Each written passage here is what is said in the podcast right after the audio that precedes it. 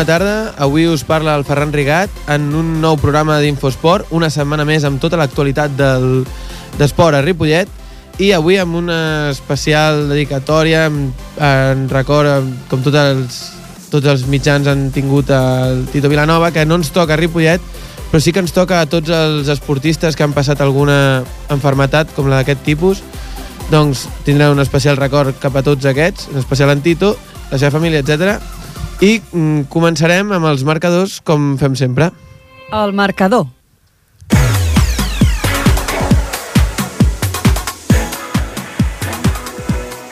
Marcador, eh, tenim a la nostra companya Mèriam Lara. Bo- Bona tarda. Bona tarda. I comencem ja. Per part del tenis taula, a primera nacional masculina, el Club Tenis Taula Ripollet 2, Club Tenis Taula Borges, Borges 4. Els ripolletencs es jugaven a la segona plaça de la classificació en l'última jornada de la Lliga regular i finalment se la va quedar el Burgess, el Borges, tot i que amb dos equips estaran a les fases d'ascens a la divisió d'honor. Les derrotes del Raúl Porta, Miquel Ar- Arnau i Julio Andrade en els tres primers partits van posar coll amunt al duel.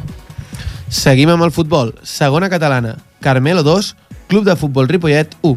Els barcelonins es van avançar. Quim va igualar just abans del descans, però al segon temps el Carmelo va certificar el triomf per seguir lluitant per l'ascens. En canvi, els ripolletens han deixat escapar les opcions per pujar de categoria. Ara són setents a la classificació, a falta de 5 jornades per al final del campionat. Tercera catalana, Pajaril 1, El Llano 3. L'equip del Sabadell, que apura les seves opcions de lluitar per l'ascens, va, super, va ser superior a a un pajaril que jugava sense pressió, amb la per permanència ja a la butxaca. Carlos Grillo, al minut eh, 81, va maquillar la golejada visitant. A la mateixa categoria, Escuela Futbol Base 2, Palau Tordera 0. Dos gols de Joel Andrés a la primera meitat van suposar el quart triomf consecutiu de l'escola al camp de l'Industrial, que s'ha convertit en un dels, fort, dels, fort, dels fortins de la categoria. L'equip del Guillermo Andrade Andrés és ara cinquè a la classificació i intentarà fins al final de la temporada assaltar la quarta plaça. Passem a quarta catalana, Escuela Futbol Base B 1, Sant Quirze del Vallès B 2. La maldició continua i el segon equip de l'escola segueix sense guanyar a casa. Tot i posar-se per davant al marcador als 7 minuts, els visitants ja li havien donat la volta al marcador abans del descans. Els ripolletens es mantenen a la, a la penúltima plaça del grup 15. Seguint amb la quarta catalana, Bellaterra 1, Can Mas 0. El Can Mas no va poder allargar la bona ratxa i va, per, va perdre per la mínima davant un Bellaterra que està traient bons resultats darrerament com a local. Els ripolletens són avantpenúltims a la classificació del grup 15. Passem al futbol femení. Segona catalana, Cèltic Les Franqueses 3, Escuela Futbol Base Femení 2. L'escola es complica, i molt, el repte de l'ascens amb una derrota inesperada davant un rival que no hi jugava res. Les ripolletenques es van avançar per dues vegades a la primera meitat, però un hat-trick eh, d'una jugadora local va desbaratar els plans de l'escola, que no va poder comptar amb la, amb, el, amb la pitxitxi de la categoria, la Raquel Corral. Només una carambola a l'última jornada de Lliga per, permetria pujar a l'equip. Fins Sobe Granollers 1, Club Futbol Ripollet Femení 0. Un solitari gol a la primera meitat va decantar el duel per a l'equip del Vallès Oriental. És la sisena vegada que el Ripollet, l'equip menys golejador del, camp del campionat, cau per la mínia. A manca d'una jornada, les ripolletenques són vuitenes a la classificació. Seguim amb el futbol sala. Tercera nacional, Futsal Arenys de Mar 3, Futbol Sala Ripollet 8. Els ripolletens van complir les expectatives davant un equip de la part baixa de la classificació i es va retrobar amb un triomf que feia dues jornades que es resistia. El futbol sala Ripollet és líder amb 10 punts sobre el segon i ja acaricia l'ascens a 5 jornades del final de la Lliga. A la divisió d'honor catalana, Balsareny 3, Futbol Sala Ripollet B 5. Els ripolletens es van assegurar la tercera plaça de la classificació davant el seu immediat perseguidor, a qui van remuntar un marcador en contra fins a tres vegades. Tot i que l'ascens ja no està a l'abast, l'equip porta un, me un mes molt entonat, amb quatre triomfs seguits. Tercera catalana, Xarxa B 5, Inter Ripollet 3. Tot i posar-se per davant al marcador en dues ocasions, l'Inter Ripollet va acabar cedint a la segona meitat davant l'em- l'empenta del conjunt barceloní. L'Inter suma quatre partits seguits sense guanyar i és setè a la classificació. En el futbol sala femení, a la divisió d'honor catalana, Arrels Penya Solsona 2, Can Clos 4. Dos gols d'Alia i altres dos de Clara van permetre a les ripolletenques tancar el seu, els, el, els seus partits com a visitants aquesta temporada amb una nova victòria. És la novena en 13 enfrontaments lluny del pavelló Joan Creus, una trajectòria brillant que les ha portat a ocupar la quarta plaça una jornada de la final de la Lliga.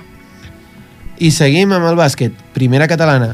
Club de bàsquet Ripollet 70, La Palma 63. Empatats amb els, amb els cinquens, els ripolletens segueixen a 3 punts del líder, l'Esparreguera. A falta de dos partits per disputar, els ripolletens encara tenen possibilitats de pujar algun esglaó a la classificació.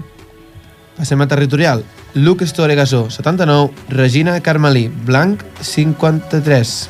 A falta d'un partit per acabar la temporada, el Luc Estore assegura la segona posició darrere el Club Natació Caldes C.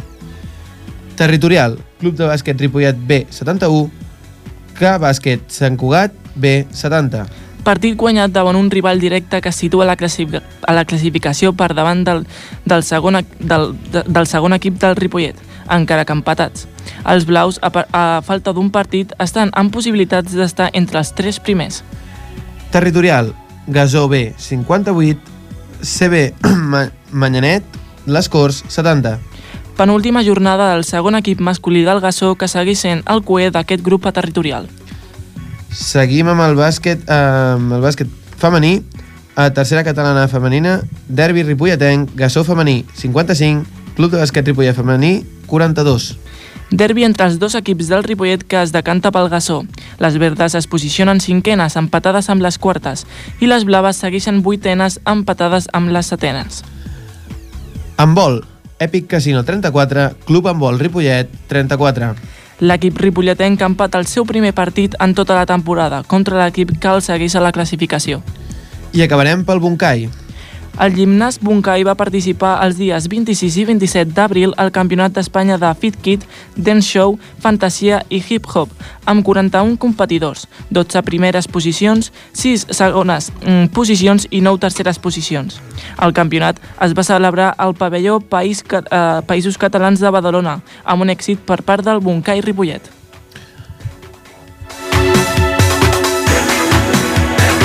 Futbol. Futbol.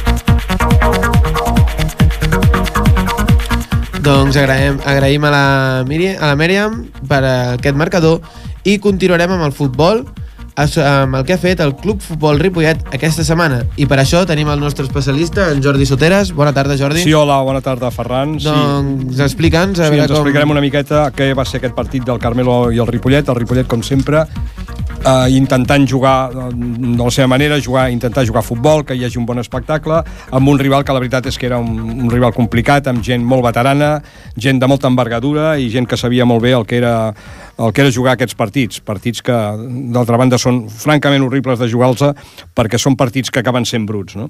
Eh, S'ha destacat també que al quart d'hora es va lesionar el Mellado i segurament eh, segur això va perjudicar el joc del Ripollet i, eh, perquè és un jugador contrastat, que és un jugador pues, pues, que té molta qualitat. La primera part va ser de domini altern, tot i, tot i que bueno, va haver-hi el gol del Carmelo a pilota aturada al minut 20, el Ripollet va tenir cinc ocasions, Abdel, Quim, Néstor, sense sort, no va haver-hi sort a l'hora de fer gol, i alguna d'elles era, era inclús eh, clara. Fins que al minut 44, en Quim, amb una bo, molt bona jugada per part del Ripollet, fa el, el gol de l'empat, i la primera part acaba així, acaba amb, amb 1 a 1. La segona part, el Ripollet es va fer l'amo de la pilota, dominant el rival, que contrastava aquest joc amb pilotes llargues i aèries buscant els seus davanters, jugadors molt alts i de gran envergadura. A més, el Carmel, amb jugadors molt veterans i experts, com deia abans, es va dedicar a jugar amb duresa, fent un partit brut, que el, en el Ripollet en realitat no li va gens bé. Aquest, aquest joc brut no li va gens bé.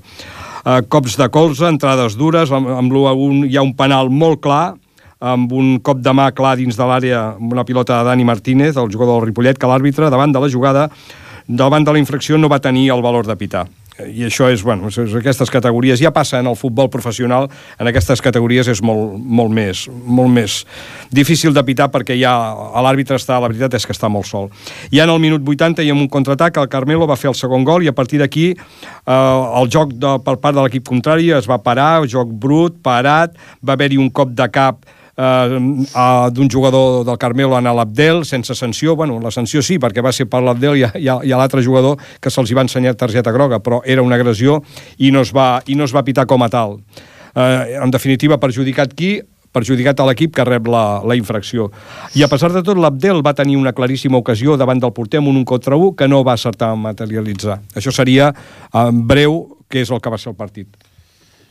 Doncs per contrastar tot el que ens ha explicat en Jordi, eh, hem trucat al David Ortiz, no sé si ens està escoltant. Buenas tardes, David. Hola, buenas tardes, ¿qué tal? Sí, hola, buenas tardes, David. Bueno, ¿Qué tal, Jordi? yo no sé si, si nos puedes hacer un comentario más extenso en torno a lo que fue el partido. Yo no sé si has oído lo que, lo que decía yo. Ujú. Pero bueno, tú mismo tienes eh, los, los micrófonos para, para hablar. Bueno, el resumen que has hecho creo que es, eh, es ciertamente lo, lo vivido lo vivido ayer en el campo de- del Carmelo, un partido que era muy importante para los, dos- para los dos equipos. Eh, para nosotros pues era una final más de las últimas que teníamos, eh, después de victorias consecutivas, que eso es muy complicado de conseguir, queríamos la cuarta y, la verdad que bueno que, que el partido fue en un campo muy pequeñito, en un campo con dimensiones eh, muy reducidas, en las cuales eh, practicar nuestro fútbol es difícil, pero creo que el equipo es, es, es- es de estar orgullosos que el equipo pues no, no cambiara mucho su forma de, hacer las cosas, que es lo que intentábamos y intentar ser no- no- nosotros mismos adecuándonos, claro, no claramente a, lo que era el campo, ¿no? Pero creo que lo has definido muy bien, creo que eh, la definición rápida sería que, que por un lado no tuvimos suerte a gol, porque tuvimos hasta 14 tiros a puerta en total en todo el partido y, cuando el equipo tira 14 puertas a, puerta marcar un gol es, eh, mínimo, es muy poco, creo que no, no estuvimos acertados. Y también es verdad, y no, no soy una persona de excusas y si no ganamos el partido porque no, no marcamos más que el rival y, y algo mal hicimos, pero sí que es verdad que, que es otra vez más eh, la balanza se decanta al favor de, del rival en, en jugadas como el penalti, como tú dices, igual que pasó en Molletense, igual que nos ha pasado en muchos partidos de esta temporada que, que no pedimos que nos regalen nada, pero tampoco que, que no- no- no- nos lo quiten. Pero de, de hecho, ¿cómo, cómo, ¿cómo se queda el jugador después de, de- de- Bueno, además ya son muchos partidos, porque es, Sí. es- además es una categoría que a- acaba resultando sucia, ¿verdad? Porque uno va a jugar, uno entrena toda la semana con todo el amor del mundo, con todas las ganas del mundo, y luego el domingo, que es el día, el día más feliz, el día más divertido, el día donde el jugador se expresa en el campo, resulta que, aquí- allí hay un montón de, de- de- de golpes y de codazos y de eh, y tú ves eh, el linier, que ayer el linier, pues eh, él ve la agresión y no es capaz de levantar la bandera. ¿Por qué? Porque detrás, a un metro, tiene a unos tipos que, que igual le dan un castañazo, ¿no? Como pasó en el campo del Lloreda con unos veteranos. Sí, bueno, la verdad que, que- que es una categoría muy dura, muy muy complicada y, y de mucho contacto. Bueno, el fútbol ya de por sí es un deporte de mucho contacto, Eh, pero sí que es verdad que una cosa es contacto con el balón en un juego y otra cosa es, eh, pues, para- por decir algo, no El- la agresión a Abdel, que, que como tú dices, extrañamente acaba con dos tarjetas amarillas, uno para el agresor y otro para el agredido y acciones sin balón, donde, pues bueno, creo que es la única forma que tienen los rivales de parar a, a estos jugadores, que lo hacen muy muy bien y, y- bueno, ya cuando pasa la temporada, pasan los partidos, los, rivales pues te toman la matrícula, saben tu manera de, jugar, saben que técnicamente no van a poder superarte, saben que es difícil pues eh, tener control del partido cuando juegan contra el Ripollet, eh, si estamos bien, porque creo que somos un equipo que, domina esa faceta y intentan intentan esas armas que hay a veces que, que los colegiados pues la verdad que la gran mayoría pues eh, lo para y muy bien pero hay otras veces que, que eso no es así y cuando tú no paras eso le das más vida al, equipo infractor Sí, la, ver- la verdad, la verdad es que es complicado. Sí que ahora ya, bueno, pues en, en realidad ya no hay ninguna opción de ascenso ni de promoción, evidentemente. Me imagino que aún es pronto para hablar de qué puede suceder, suceder de cara a la temporada que viene, si hay alguna novedad o, no es así.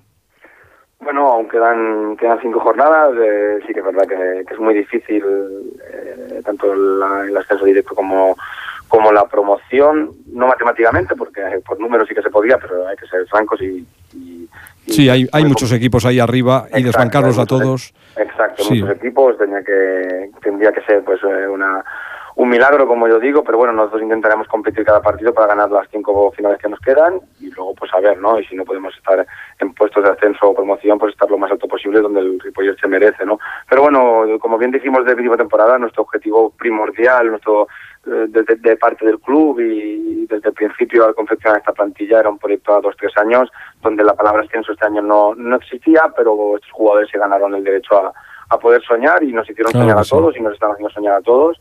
Y bueno, yo creo que, que la temporada por ascender o no ascender no tiene que ser eh, negativa o se tiene que valorar de forma negativa. Creo que todo lo contrario. Somos el equipo más joven de toda la categoría y, y los números Sí, están sí, ahí. está claro. Un- con un presupuesto subiremos, reducido, está claro, está claro. Los números están ahí y creo Claro que no sí. tenemos que, que dejarlos de, de- de- de lado, ¿no? Sí que es cierto que hay que mejorar y hay que corregir errores, porque hay que corregirlos, pero hablar de la temporada que viene aún es pronto. Aún es pronto, perfecto. Quedan cinco partidos y cuando acabe pues habrá tiempo. Perfecto. Em, David, eh, em, Ferran quiere hacerte una última pregunta. Sí, para acabar, eh, estás comentando que quedan los, los últimos cinco partidos, que quizás es demasiado temprano para hablar de la temporada que viene, pero viendo lo que lleváis hasta ahora y viendo cómo es la categoría, mm, personalmente, ¿crees que tenéis que seguir afianza- afianzando este estilo de juego que tenéis tan vistoso, tan, tan raro en esta categoría? ¿O crees que también podríais intentar, para cara a la próxima temporada, mirar cosas nuevas, siguiendo con vuestro estilo? No, hombre, de todo se aprende y sí que es cierto que, que, no nos podemos engañar y hay momentos en, en- o partidos como, como el de ayer o momentos en la temporada del, pues que el equipo tiene que ser camaleónico y, y cambiar un poco esas facetas, pero sin cambiar de su personalidad. Creo que este año ya lo hemos hecho. ¿eh? Nosotros hemos ido a jugar al campo del Peira, somos el único equipo que ha ganado en, en el campo del equipo Ja, con toda la dificultad que eso conlleva. Creo que hemos hecho muchos partidos de mucho mérito en campos muy complicados, pequeños, donde el, el, el otro fútbol existe, donde el otro fútbol es eh, primordial, el juego un poco más largo, el juego de pillo, y creo que el equipo pues ha, crecido en ese sentido y de cara a la temporada que viene, pues eh, eh, el equipo, todo eso que ha asumido de veteranía este año, sé que estoy convencido de que lo pondrá lo pondrá en el tapete, ¿no?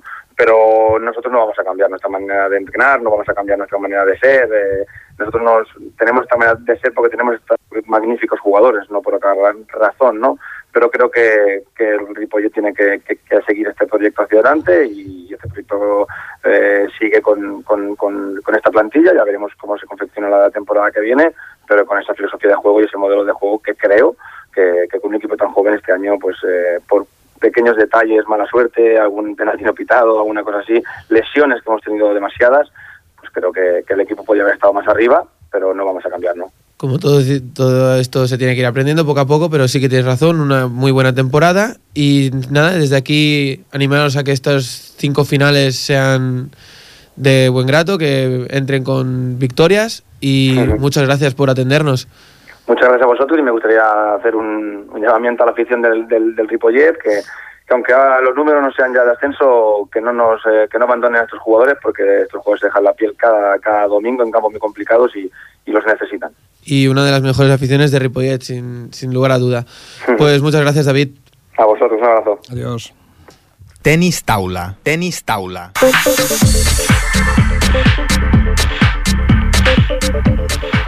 Doncs gràcies, Jordi.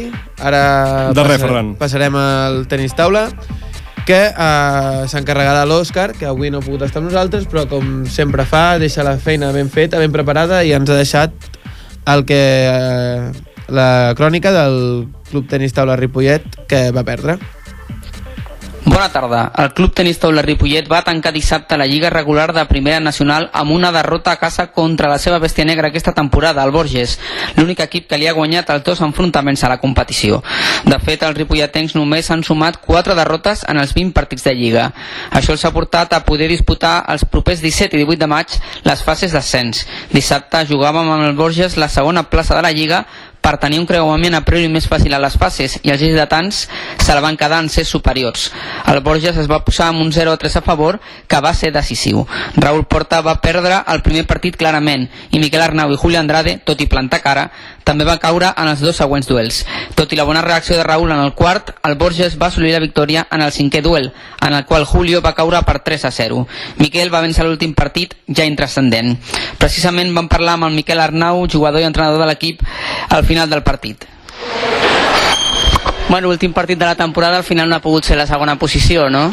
Al final se'ns ha escapat, jugàvem a casa, pensant, bueno, era un partit molt igualat, ha sigut, tots els punts han sigut els 11 per avantatges, a la mínima un partit ha sigut el que ha sigut 3-0, que, que s'ha- s'han anat, però bueno, coses que passen, poden caure al teu costat o poden caure al costat de l'altre. Mm, el rival era molt complicat, era el rival amb el que s'estava jugant la, la segona plaça precisament, i no ha començat bé el partit, no? Aquest 0-3 en contra ha estat demolidor pel, pel resultat. Sí, no hem començat gens bé, la veritat, amb 3-0, clar, eh, no pots fallar ja. I ells estan amb la moral alta i, bueno, has d'intentar reaccionar però bueno, és que igual que podia ser 3-0 en contra mm, no hauria d'haver sigut jo crec, no? però bueno, ha sigut així igual el proper partit que ens toqui a més canvia la cosa, no? El partit de la primera volta ja va ser complicat contra ells, oi també? Sí, jo no vaig jugar, va jugar l'Àlvaro aquest partit van, i van perdre 4-3 el dobles, vull dir, també un partit d'aquests de, de que a final de l'11 per avantatges cada 11 o sigui que bueno mmm, mala sort, hem d'entrenar més hem d'agafar una mica millor el ritme i ara queden 3 setmanetes per la fase d'ascens que era l'objectiu principal uh -huh. a la fase d'ascens veurem a veure què ens trobem com són els grups dels altres dels, bueno, les, els equips dels altres grups i a veure el nivell perquè la veritat és que desconec el nivell que hi ha ara mateix. Això t'anava a preguntar a 17 i 18 de maig a Sabadell, precisament bon, bona opció, no? Finalment que es pugui fer a Sabadell perquè pugueu estar? Sí, home, clar, és una, una bona opció, una alegria pels equips catalans perquè participaran tots els que, han, els que estan en fase d'ascens, cosa que no passava fins ara. Ara portàvem unes temporades que tots els equips que estaven a fase d'ascens renunciaven a la fase per no gastar peles.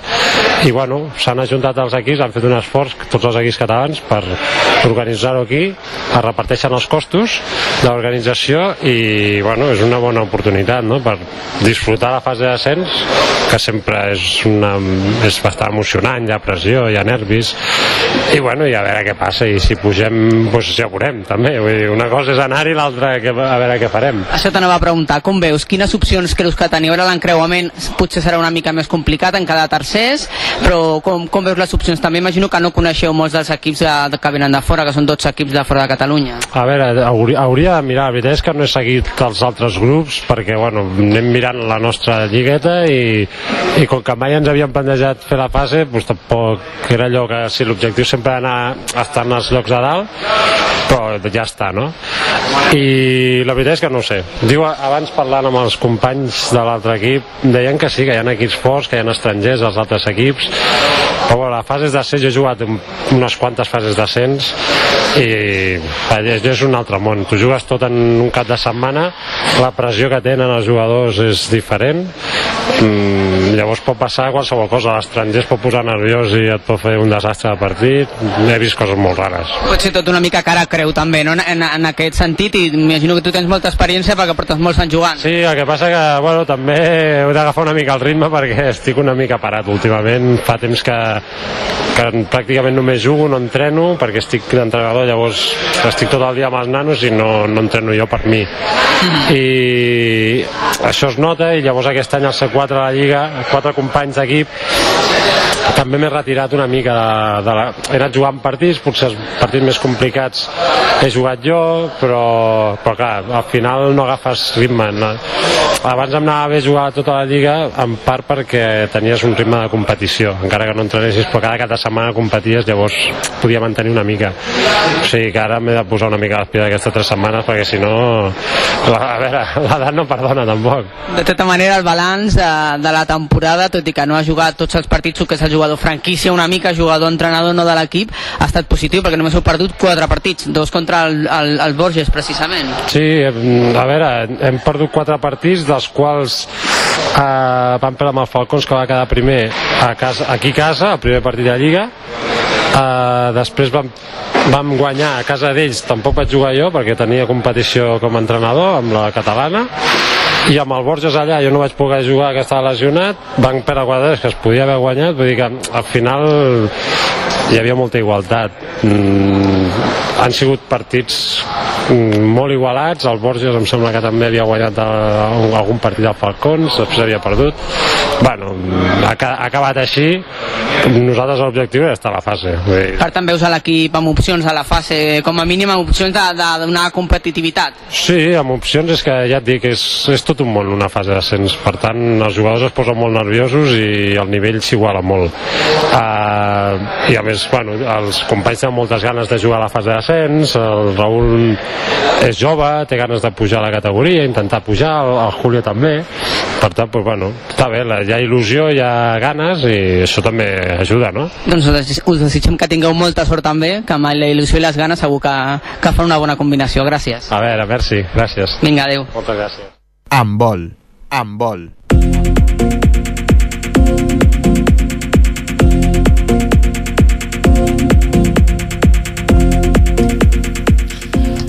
Doncs seguim amb l'envol Ripollet, que com tots sabem ja porten una molt bona temporada, però aquest cop han empatat el seu primer partit en tot el que portem de Lliga. Doncs aquesta setmana es van traslladar fins a Terrassa per jugar contra l'Epic Casino, que era el perseguidor, el rival més proper, que el, com re- recordem el Ripollet va segon i l'Epic Casino tercer. I anaven a buscar una victòria que certifiqués el més aviat a l'ascens que tant desitja tot el club. Però es van trobar davant un equip molt rocós i molt ben treballat. El partit va començar prou igualat, amb alternances en el marcador i amb uns rivals que jugaven amb la mateixa intensitat. Al descans, el, resultat era de 15 a 18 a favor dels ripolletens. La segona part va continuar la mateixa tònica eh, que la primera, amb els dos equips amb opcions d'emportar-se la victòria, però la igualança va fer que el resultat final fos d'un empat a 34. Un empat que deixa un sabor de gradols, eh, com diu el club en el seu espai web, en el seu, la seva xarxa social, però que reforça la segona posició a falta només 3 jornades per acabar la Lliga. Uh, per parlar de la victòria tenim per primer cop a l'Albert Jordana, que és el president. Uh, oh, bona tarda, Albert. Sí, Albert, bona tarda. Sembla que no, no ens contesta. Ara el provarem d'enganxar. Això, recordem que l'Albert és el president, que està fent una molt bona feina de, davant del club, que a poc a poc l'està afiançant en una primera posició i que a falta de tres, a falta de tres jornades té la, la possibilitat d'ascendir a partir de fases i ja em diuen que tenim l'Albert. Hola, Albert. Sí, hola, què tal? Bona tarda. Uh, doncs res, abans de, abans de fer-te alguna pregunta, m'agradaria que, tinc, que ens donessis una petita visió de com vas veure aquest últim partit, tu personalment, com a president. Mira, va ser un partit molt, molt igualat.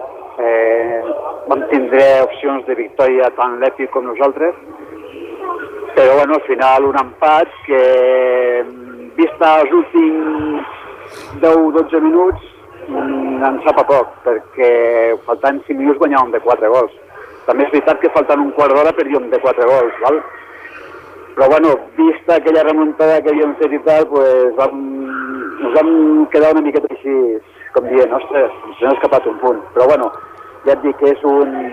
Eh, va ser un partit molt igualat, eh, molt disputat, i bueno, i estem, bueno, estem contents, estem contents amb aquest punt. Bueno, a, a falta de tres jornades ja podem començar a dir que aquest equip ja està totalment pa- amb el cap a l'ascens. Com valores aquestes tres jornades que ens queden? Com, com ho veus? Mira, eh, aquests tres partits que queden, si guanyem dissabte aquí contra el Berga, jo crec que ja teníem un 75-80% de l'ascens a, a, a l'abast. Val? Ens faltaria, jo crec que amb un, altre, amb un punt que traguem més en els últims dos partits, eh, jo crec que, que aconseguirem l'ascens aquest any. Uh, si no recordo malament, l'ascens funciona a partir de playoff. Uh, Explica'ns una mica com funciona a, a, a aquesta part. Eh, espera, espera, Ferran, que no et sento bé. Espera, que estic aquí a l'escola, espera, que surto un moment. Oh, i tant, et disculpem, oh, i tant, més, fal més faltaria. Quan tu ens diguis, seguim... Sí, eh, torna'm a fer la pregunta. Sí, que si no, si no m'equivoco, l'ascens a, a primera, eh, a la següent categoria es fa a partir de playoff. Uh, Explica'ns una mica què, què us podríeu trobar les, al playoff, si ja heu mirat, què, què, què, pot, trobar, què pot ser d'altres categories. No, no, aquest any és eh, És- ascens directe. Els tres primers pugen directament. Ah, sí? Ha playoff. No hi ha playoff, vale, era, això no, va no, ser l'any aquest passat. any- L'any passat sí que hi havia playoff, que van jugar els quatre primers, però aquest any no, aquest any ja es puja directament, els tres primers pugen. Mira, el Guardís és el primer de grup, ja mate- matemàticament ja està dalt, Uh -huh. i ara, bueno, pues, estem eh, cinc equips per dues places. Uh -huh. I vosaltres segons, que és una molt bona posició. Sí, doncs... sí, a veure, tenim un coixí de 3 punts amb el, segon, amb el tercer i el quart, que és l'Èptic i el Cerdanyola, i 4 punts al Sant Esteve i al Montcada, la Salla Montcada. Però clar, és que es tenen que enfrontar entre ells també, llavors, claro, algun d'aquests anirà caent entre ells. Uh -huh que no podem dir encara, ens haurem d'esperar aquestes tres jornades, però bueno, des d'aquí ja tenim ganes de dir que el Ripollet ha ascendit i després, suposo que esteu amb la mateixa il·lusió i res, mm, doncs aquí agrair-vos que ens hagueu atès de tan bon grat una I, cosa, Ferran i digues, digues, oi tant a veure, eh, el dissabte ens agradaria que, a veure, que, que, que, que la gent de Ripollet vingués a, a, a donar suport a l'equip, val? Sí, que com has dit, ja jugueu contra... La que estem fent. Que jugueu contra el Berga. Sí, contra el Berga, i a veure si pot vindre quanta més gent millor amb la seva samarreta vermella. Val? Uh -huh, doncs des d'aquí animem volem... a la crida que fa l'Albert o... Volem anar, tots, volem anar tots de vermell. Val? A quina hora al pavelló? A, a dos quarts de nou al pavelló. Dos quarts de nou el dissabte, no? Sí, sí, el dissabte. Doncs ja, ja sabeu, si voleu animar l'embol Ripollet, a hora, dia i sobretot moltes ganes com tenen aquests jugadors que ho estan fent realment bé. Moltes gràcies, Albert. Vale, a tu, a tu, Ferran. I Vinga. que això vagi de conya. Vinga, adeu. Vinga, adeu. Bàsquet. Bàsquet.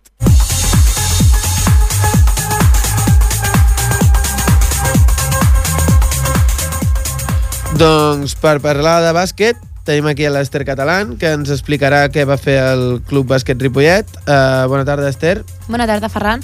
Victòria del Ripollet contra el Club Bàsquet La Palma. Tal com hem dit abans, el marcador, el resultat final ha estat 70-63. Tot i això, la victòria no ha estat fàcil d'aconseguir pels altatxer. A la primera volta, La Palma no els hi va posar fàcil. Va ser un partit disputat, on finalment els ripolletens van aconseguir guanyar de 3 fora de casa. Aquesta vegada els blaus sabien que també seria un partit difícil. Hem parlat amb Gerard Moreno, pivot del Ripollet, que ens explica com, què comporta aquesta victòria per nosaltres ara mateix eh, comporta la tranquil·litat de no tenir que estar pensant en, en la salvació, vull dir, perquè ja la tenim matemàticament feta, ja teníem la setmana passada també, i ara doncs, mirar metes més amunt, que queden dos partits, els quals l'equip està en cinquena posició, empatats amb el Castellbisbal, i hi ha una victòria de, de Sitges i Saranyola i bueno, lluitarem al màxim per aconseguir la quarta plaça que ens donaria una opció per poder jugar un playoff per pujar a Copa. Els ripolletens han començat amb bon ritme, amb un bon ritme de partit, movent bé la bola i amb força en ser exterior. Al segon quart, però, els visitants han implantat una zona 2-3. Aquesta defensa dificulta l'atac dels blaus i ajuda a remuntar la palma. Els visitants dominen els rebots i surten amb atacs fàcils, posant-se només a 4 punts dels a casa. La mitja part no serveix només serveix perquè el Club Bàsquet La Palma es col·loqui per davant a l'electrònic. Pel que fa als atatxer, continuen amb atacs precipitats i abusant els tirs a 3. Els darrers 10 minuts fan un quart igualat. Els blaus aconsegueixen trencar la zona amb penetracions i forçar faltes sota cistella. Els últims minuts els ripolletens s'espavilen, comencen a fer un bon joc i aprofiten els tirs lliures. Els del Tatxer aconsegueixen sentenciar el partit amb un marcador 70-63. Amb aquesta victòria, el Ripollet es situa cinquè, a només una victòria del Cerdanyola i dels Sitges, equips que es troben en promoció d'ascens. Doncs moltes gràcies, Esther. Uh, molt, moltes gràcies per una crònica tan ben treballada. Dóna gust, així. I, bueno, hem de seguir. Uh, esperem que el, el bàsquet segueixi amb aquest bon ritme. Moltes gràcies. Febre d'esport.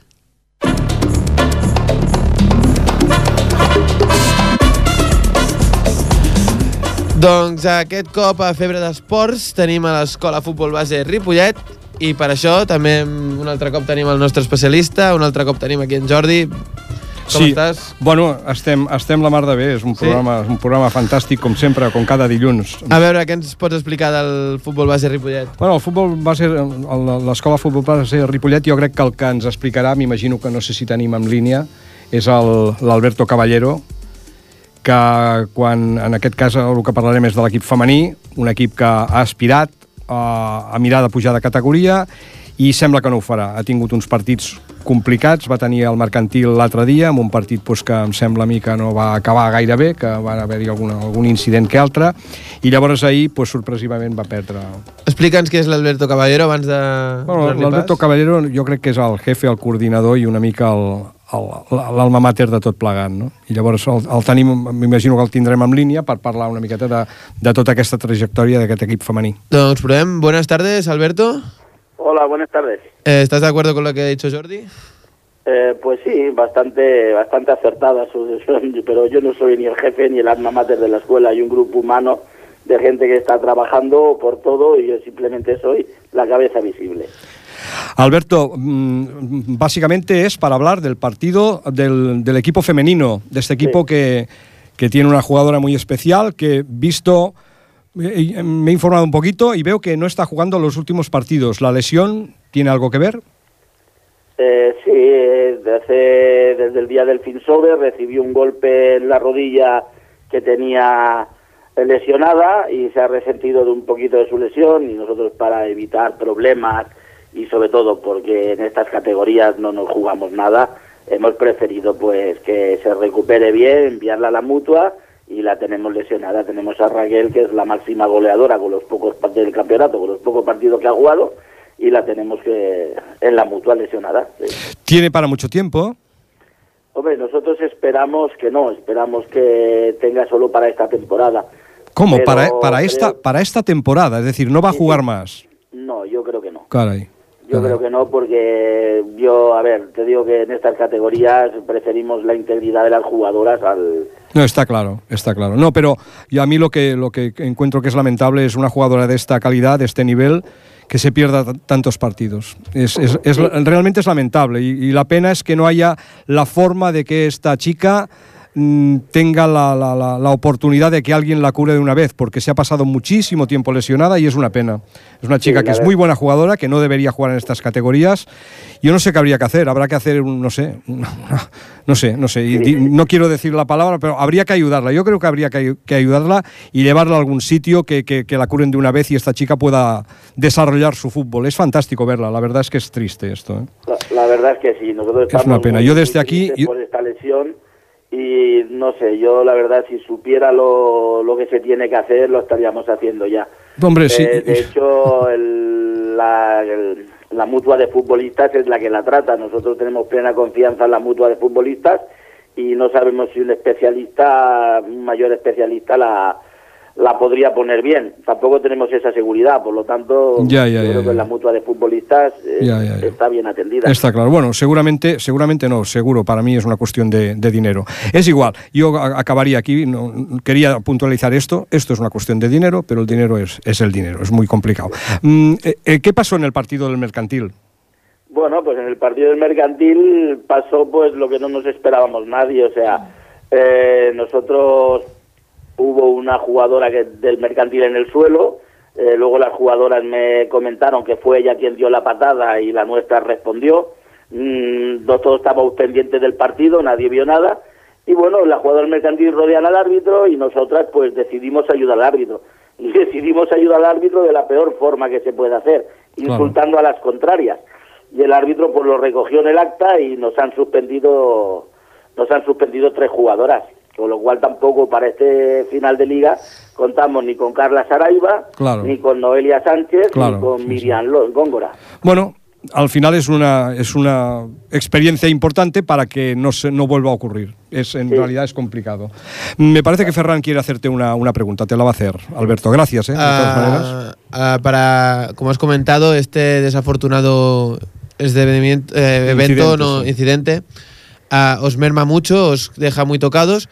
¿Cómo crees que, ten- que hay que erradicar desde, desde la escuela fútbol base y este tipo de clubes este tipo de comportamientos por- para, para el mejor para ver un mejor fútbol?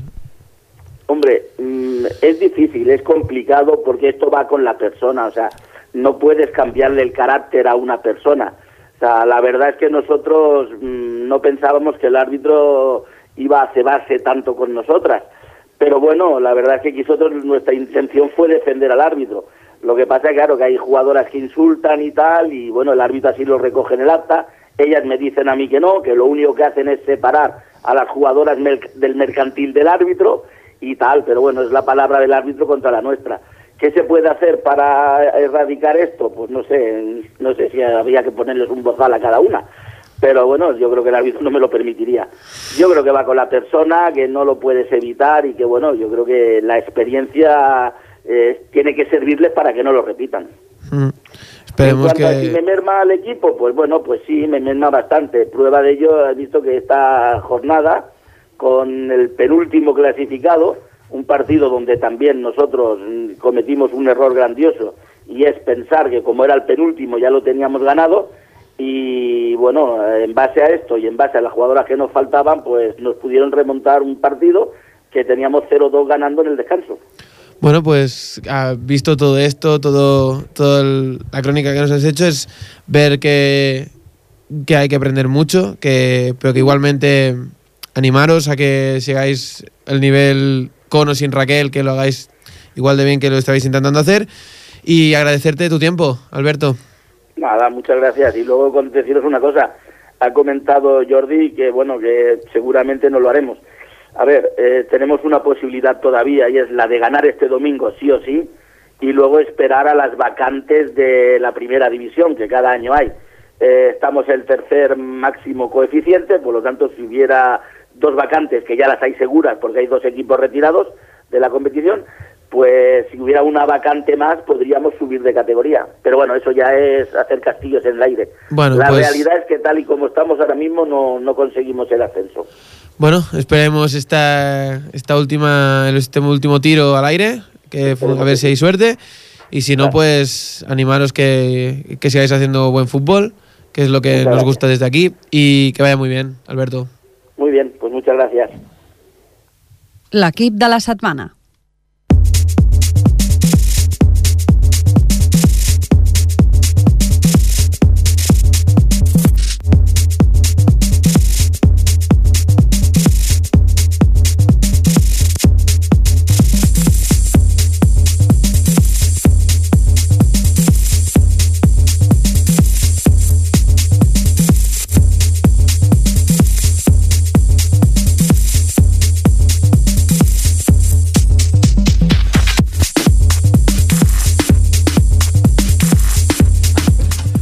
Doncs avui a l'equip de la setmana tenim el Club d'Escacs Ripollet, que és el primer cop que portem un, un equip d'escacs. Uh, ens fa molta il·lusió i els presentarem. Uh, tenim en Sergio. Hola. Bona tarda, Sergio. Bon, bona tarda. El Miguel. Jo. Bona tarda, Miguel. Bona tarda. Bona tarda, Pau. Bona tarda. I a l'Adrià. Bona tarda. I també tenim el seu entrenador. Bona tarda. Bona tarda. Doncs per entrevistar aquests simpàtics eh, jugadors d'escacs tenim a la Mèriam. Bona tarda, Bona Mèriam. doncs quan vulguis. Per què vau escollir els escacs? El que vulgui començar. Perquè, bueno, està, estava al col·le i, i, el, i no es jugaven a res i un estava jugant als caps i em vaig començar a jugar. Així vas com- començar tu. Sí. I els altres? Doncs jo eh, tenia un amic, no?, que jugava. Vaig passar-me un dissabte, no?, que jugava en un torneig i des de llavors, pues, doncs, em va agradar moltíssim. Jo perquè el meu avi eh, jugava molt a escacs i em va ensenyar. Ah, molt bé. Eh, I jo perquè els meus cosins es van aportar i jo em vaig voler apuntar amb ells. Molt bé. I quins taulells so, són, ca- sou cadascun? Jo, doncs jo sóc el primer taulell del Ripollet. Jo el segon tauler. Jo el tercer. I jo el quart. Uh, com jo no en sé gaire d'escacs, us preguntaré què, què significa això dels taulells? Perquè ens, tots ens puguem entendre una mica. Digues, digues. Doncs normalment estan posats o bé per nivell o per ELO, que és la classificació en la qual eh, eh, diguem que el que té més ELO doncs té una millor... Eh, que és millor, diguem. Uh -huh. Llavors és simplement una classificació entre vosaltres, per dir-ho així. Sí, No, no, ens, ho- ens ho has explicat molt bé, Adrià. Moltes gràcies. gràcies. De res. I com són els entrenaments? Qui ho explica, això, va? Vinga, va, el Sergio, el Sergio, fes-ho, va. Eh, els entrenaments, eh, doncs a vegades ens posen problemes i els hem de resoldre. A vegades fan... juguem contra l'entrenador i unes altres vegades doncs fem, juguem entre nosaltres. De vosaltres és més fàcil, no? Sí. I... També, també que analitzem partides que hem jugat. Mm -hmm. Això està molt bé, està molt bé. Com va ser l'experiència de jugar al Campionat de Catalunya? Doncs va ser una... A mi em va, ens va emocionar, crec que a tots, perquè és un torneig a molta altura, no? pensem per nosaltres, i ens feia molta il·lusió, no? perquè pujar un equip sub-12, doncs érem els primers que es pujàvem i ens vam esforçar moltíssim per poder arribar fins a la, fins a la fita. Uh -huh. Molt bé. I per l'entrenador, com, com has entrenar un equip tan jove i que arribi a ser campió, campions de Catalunya? És un plaer. és un plaer. Portem ja amb aquests nens un, entre 3 i 4 anys, des que eren ben petits. Van començar les escoles, al Ginesta, l'Escursell, al centre cívic de Can Mas quan estàvem allà. I ara doncs, la feina bàsica doncs, segueix a les escoles també, continuen els passos que van encetar allà. I a més a més doncs, fem feina al club. Fem un, un, dos o tres entrenaments per setmana depenent del ritme de competició que tenim. Ah, són entrenaments bueno, tampoc diguéssim que són una filigrana però són una preparació bastant bàsica i, i a la vegada completa perquè aquests nens es desenvolupin també a nivell individual com a nivell per equips i la veritat és un plaer haver pujat aquest equip sub-12 a la màxima categoria dels escacs catalans a la Vins i no només això, sinó campions de Catalunya d'aquesta segona categoria, Clar. que ja, ja hem abandonat el primer any. Cal, cal remarcar-ho molt perquè és una molt bona fita. Uh, Explica'ns com, com es porta un club d'escacs. Com, com aquí tenim molta experiència amb clubs d'un altre tipus, com futbol, que són més coneguts. Un d'escacs que és una mica més desconegut, com es porta? Bueno, és una gestió alhora que sembla una mica senzilla, perquè és una entitat bastant humil, no? amb pocs recursos es pot tirar endavant, tant econòmics com físics.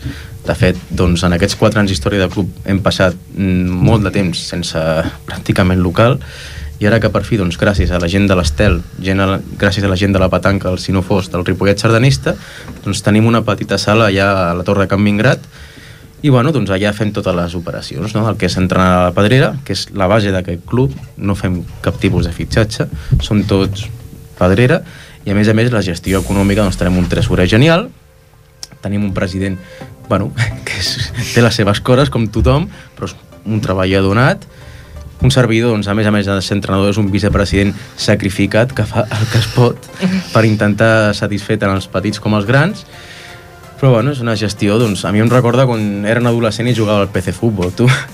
Però bueno. Sí, com aquestes coses. Molt, està molt bé perquè en temps de crisi una gestió així és molt, molt profitosa, molt bona.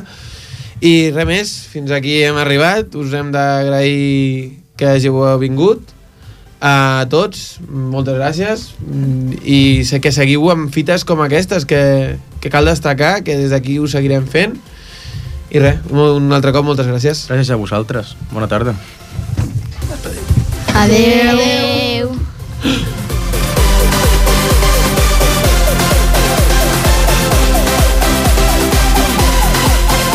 Doncs fins aquí el programa d'aquest 28 d'abril. Uh, un programa seguirem així durant el que queda de temporada, que ja queda poquet, però aquí a partir d'aquí és el més interessant de, tots els, de totes les lligues, tots els equips. Moltes gràcies una setmana més per seguir-nos.